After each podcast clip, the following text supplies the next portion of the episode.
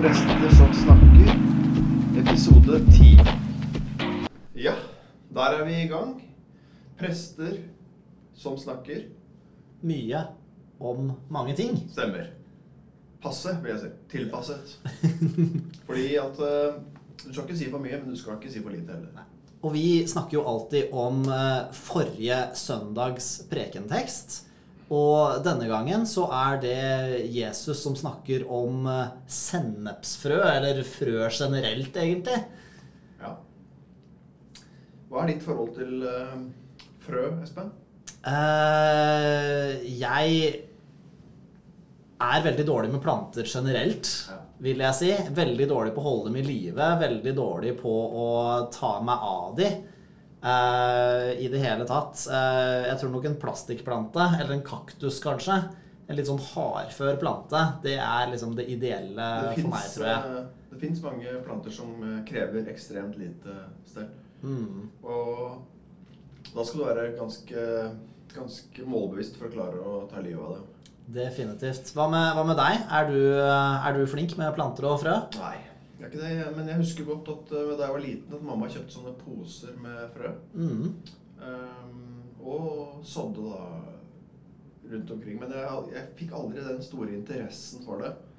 Så, men jeg vet at Jesus han var veldig interessert i eh, jordbruk. Mm. Og mange sånne fortellinger om uh, folk som holdt på ute på, på marken. Da. Han drømte kanskje om å, om å være litt sånn jordbruker sjøl. Kanskje var det litt sånn u... Ja, ja, men jeg tenker, jeg tror nesten at alle på den tida dreiv med litt sånn jordbruk Ja. eh, på si. Altså. Det var vel eh, Det var vel eh, et annet Det var ikke servicesamfunnet. Nei, ikke sant. Men nok om det. Mm. Vi må starte med, med teksten. Yes. Og nå har jeg lagt fra meg bibelen min, så jeg bruker nå en Heldigvis så, så fikk jeg en sånn leiebibel. Gratis leiebibel. Mm. Og det har jo sikkert noen av dere. Dere har vært på steder hvor dere har fått gratis leiebil. Uh, og det er samme konseptet her. Det er kult. Får gratis leiebibel. Og, de, og den har jo eh, kornvekster på omslaget, ser jeg. Stemmer. Det var sånn er- bibel jeg fikk på barneskolen, husker jeg. Ja, den er kontekstualisert inn i dagens tekst. Mhm. Ja. Eh, og Monica hadde jo eh, søndagens preken. Mm, kateketen vår. Ja. Og snakket om eh, noe lite som Blir stort. til noe stort, og som er verdifullt. Både lite og stort. Ja. Stemmer. Eh, og så fortalte hun om eh, sennepsfrøet som vokser Som er nesten usynlig, og som vokser og blir til et stort tre. Mm. Hvordan det skjer, vet vi ikke, men vi kan se at det skjer. Mm. Eh, og dette skal da være Guds rike. Yes. Hva skal vi sammenligne Guds rike med, spør Jesus. Veldig sånn der eh, stille et spørsmål du har lyst til å høre for å kunne svare på det sjøl. Ja. Mm. Det er typisk lærer. Mm. Rabbi. Det er når Jesus er i rabbirollen. Rabbirolle Jesus. Ja. Da kommer disse retoriske spørsmålene. Mm. Og eh, sier at det kan sammenlignes med et frø. En bonde som planter et frø i jorden, og så legger han seg og sover, sier jo Jesus, rett og slett. Og så står han opp, og så har frøet blitt til en plante, og etter hvert så blir det til korn og til aks, og, og han kan begynne å jobbe med det. Finne fram sigden, sier han vel, og hamre løs. Ja. ja, men altså Vi i kirka så hver høst så feirer vi jo høsttakkefest. Og vi takker for det som jorden har gitt av grøde. Mm. Det er jo litt av den uh, samme ærbødigheten overfor det som har vokst fram, som vi på en måte ikke Vi er jo ikke herre over det som vokser fram. Altså Mm. livet, det er, det er en slags sånn respekt for det som vokser, og som vi Vi kan jo vanne og sånn, da. Men vi Mm. kan ikke påvirke veksten direkte. Og da har jeg lyst til å vinkle dette her litt inn mot eh, det med Guds rike og troen, gudstroen som vokser fram. Mm. Eh, for det står nemlig på slutten av disse lignelsene, så, så står det eh, Det står eh, Med mange slike lignelser forkynte han ordet for dem, så mye de var i stand til å høre. Sånn at de Han ønsket å utruste dem, altså disiplene og den vennegjengen der, slik at de skulle eh, bygges opp i sitt indre menneske. Så mye de var i stand til å høre. Og det er jo også kult at når Jesus er så opptatt av dette her, altså mange slike lignelser, så virker det som at Jesus er veldig opptatt av prosessen. At det er ikke en sånn nå har du skjønt det, nå er du ferdig, nå, nå er du uteksaminert, og ikke noe mer kan trenge inn til deg, på en måte. Det er alltid noe mer. Det er alltid en større sammenheng. Og, og kanskje mer bli i det man lærer, da. Enn å bare tenke at dette er noe som overgis fra en person til en annen person, og så, så er det gjort, liksom. Mm, ja. Og så Jeg drev også og tenkte på dette her eh, i et par dager. Gått og tenkt litt på det her et par dager nå. Mm. Altså Jeg kan utrolig fort bli opptatt av hvem Jesus er. For jeg husker dere snakka om hva er troens spørsmål. Jo, det er hvem, det er hvem, det er hvem. Det er ikke hvordan. Mm. Jeg kan bli veldig opptatt av Jesus og hvor, hvem han er og sånn. Men det kan også føre til at kan man kanskje mister litt uh, blikket på hva som skjer.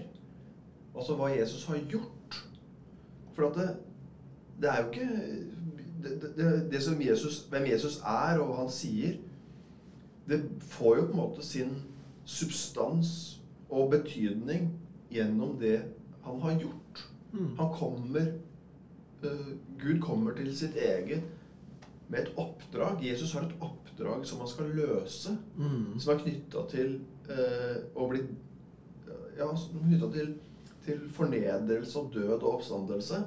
Og der, siden han har løst oppdraget, så blir også eh, budskapet og personen utrolig viktig. Mm.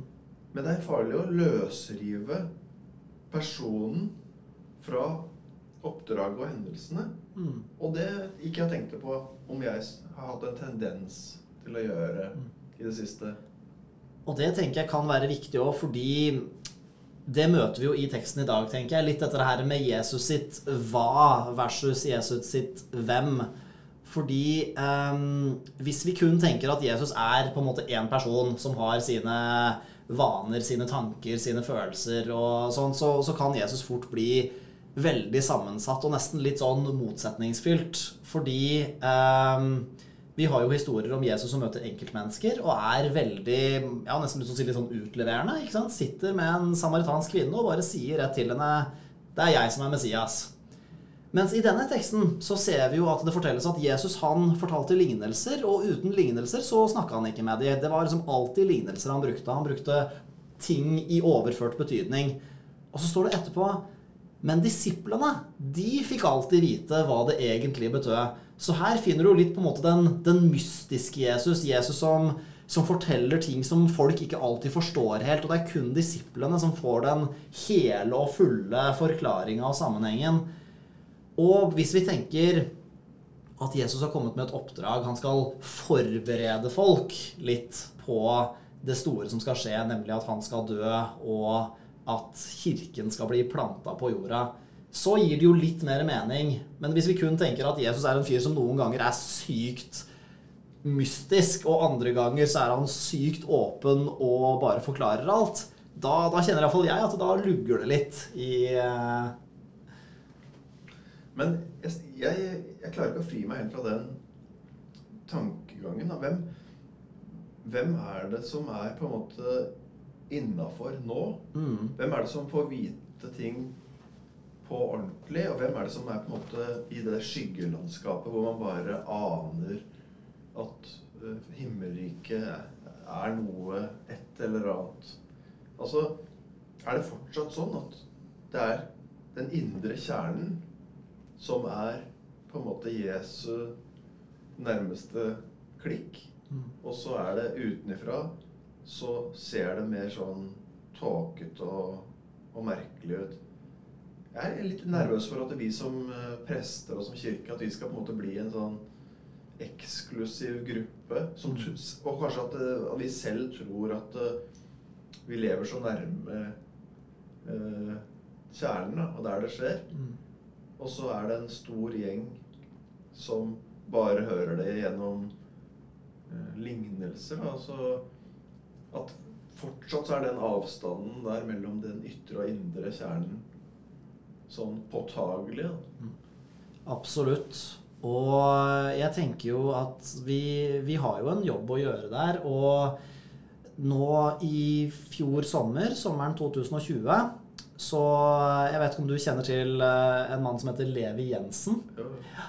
Da eh, turnerte jo han litt rundt på Sørlandet, bl.a. der jeg jobba som prest. Og da ble jo vi oppmuntra, vi som, eh, som var i tjeneste, til at her, her burde vi si et eller annet til menigheten. Og jeg syns det var vanskelig, for jeg har jo ikke lyst til å snakke ned noen eller si at, eh, at her er en du ikke må finne på å høre på, eller noe sånt noe. Men, men det jeg sa, og som var veldig viktig for meg, det var jo at når du møter noen som gir inntrykk av eller forteller deg at de har skjønt noe som kun er til de, og, og, nå skal du høre på dem fordi nå vil de fortelle deg hva Gud har vist dem, da er det noe litt farlig som foregår. For jeg tror jo at litt av poenget med Jesu offerdød var jo nettopp at da ble Gud universelt tilgjengelig.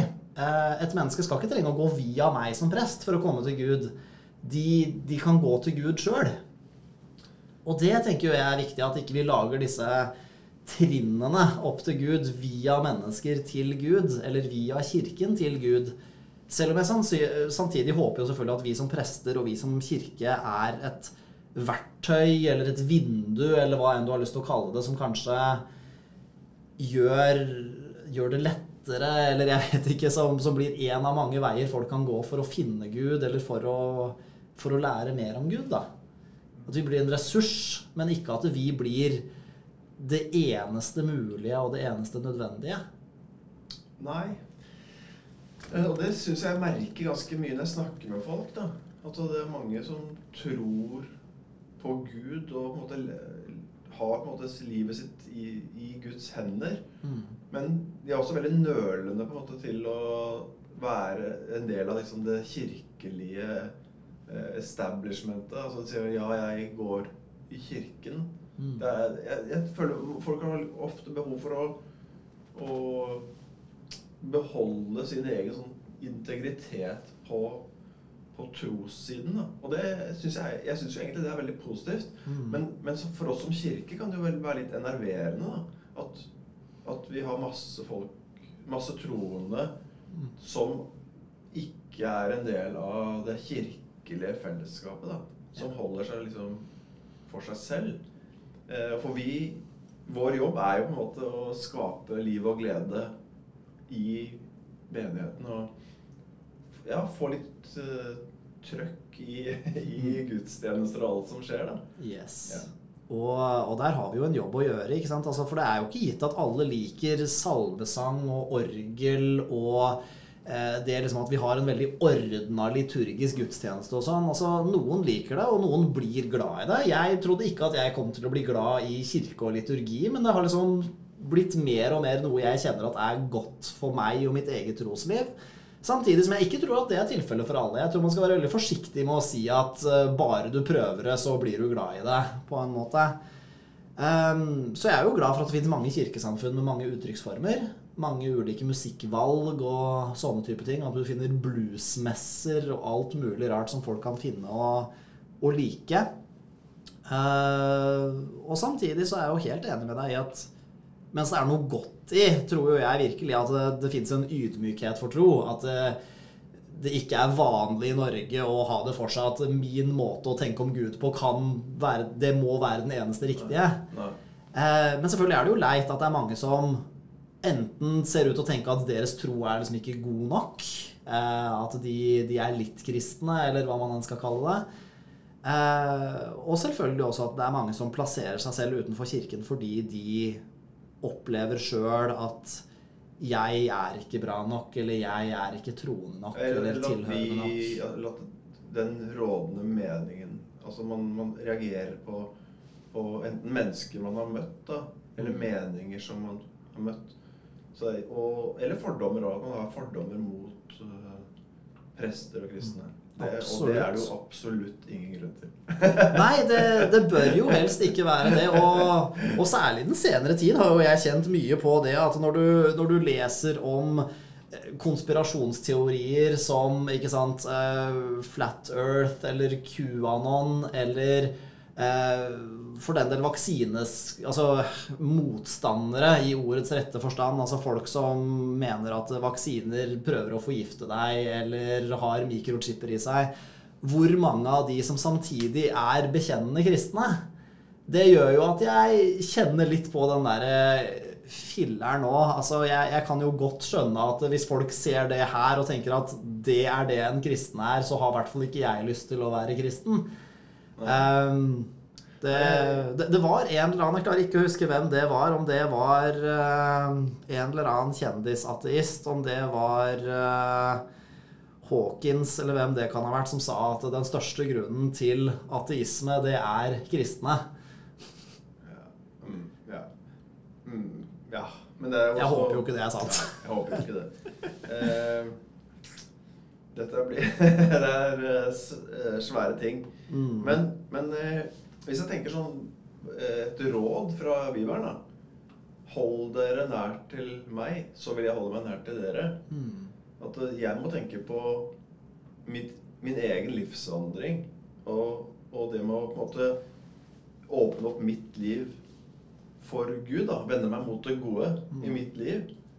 Og så må jeg tenke at da da, har- i da ønsker jeg i hvert fall å gå på den riktige veien. Og jeg ønsker også at livet mitt skal være fylt av kjærlighet Mm. og åpenhet. At ikke jeg skal bli styrt av fordommer og, og, og overtro. da. Mm.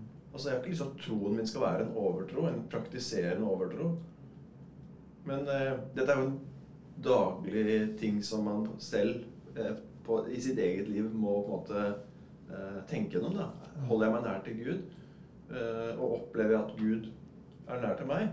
Hvis ikke jeg opplever det, eh, da, da går det an på en måte også eh, prate om det og ta, liksom, ta noen grep da, i livet sitt. For det, han, det står jo her så mye de eh, var i stand til å høre. Han talte dem så mye de var i stand til å høre. Mm. Og der føler jeg at ikke jeg er. Jeg, er ikke, jeg, er ikke, jeg tar ikke imot fra Gud så mye jeg er i stand til. Jeg prøver jo å, å vende meg mot Gud, og jeg er jo prest, så det er, ve er veldig forpliktende for meg. Jeg. Men jeg er jo langt unna hvor vi er i stand til. Ikke sant? Jeg er ikke sånn Jeg kunne vært mer eh, det, Enda mer dedikert på det, og det, og det gjelder sikkert de aller fleste av oss. Ja. Jeg tror det er uh, altfor mange kristne som kanskje kjenner dypt inni seg litt sånn der dårlig samvittighet for hvorfor gjør jeg ikke mer, hvorfor leser jeg ikke mer i Bibelen, hvorfor er jeg ikke oftere? Og, og jeg håper jo at det er noe vi jeg holdt nesten på å si kan slutte litt med. Jeg tror det er bra å kjenne at man erkjenner at jeg kunne gjort mer, men samtidig så tror jeg jo ikke at man skal oppleve på noen som helst måte at Gud er skuffa eller noe sånt noe over det. Ja, det er jeg enig i. Og det er jo kjempeviktig. Mm. At det, og at man liksom man skal være sånn flinkis med alle avkryssingene på riktig sted og sånn. Mm. Det, det tror jeg er skummelt. Det er jo det. Og, og jeg tenker altså, Jesus og disiplene ikke? De, de hadde jo sine stunder hvor de, hvor de var aleine, hvor de ba. Men de var også masse ute blant folk og, og prata og tenker jeg levde livet sitt. ikke sant? Altså, jeg tror det er viktig det å på en måte både ha hverdag og liv og på en måte de, de spesielle trosopplevelsene eller de stedene hvor vi samler tro. Eh, og at de ikke må stå i konflikt med hverandre heller. Ja. Det er, det er, er, dette tenker jeg er en, en, en helhet. Mm. Og det er jo kjempeviktig da, å, Mm. å leve et helhetlig liv. Og, og at man på en måte kan uh, være den man er med hele seg. Mm. Og kjenne på aksept for det.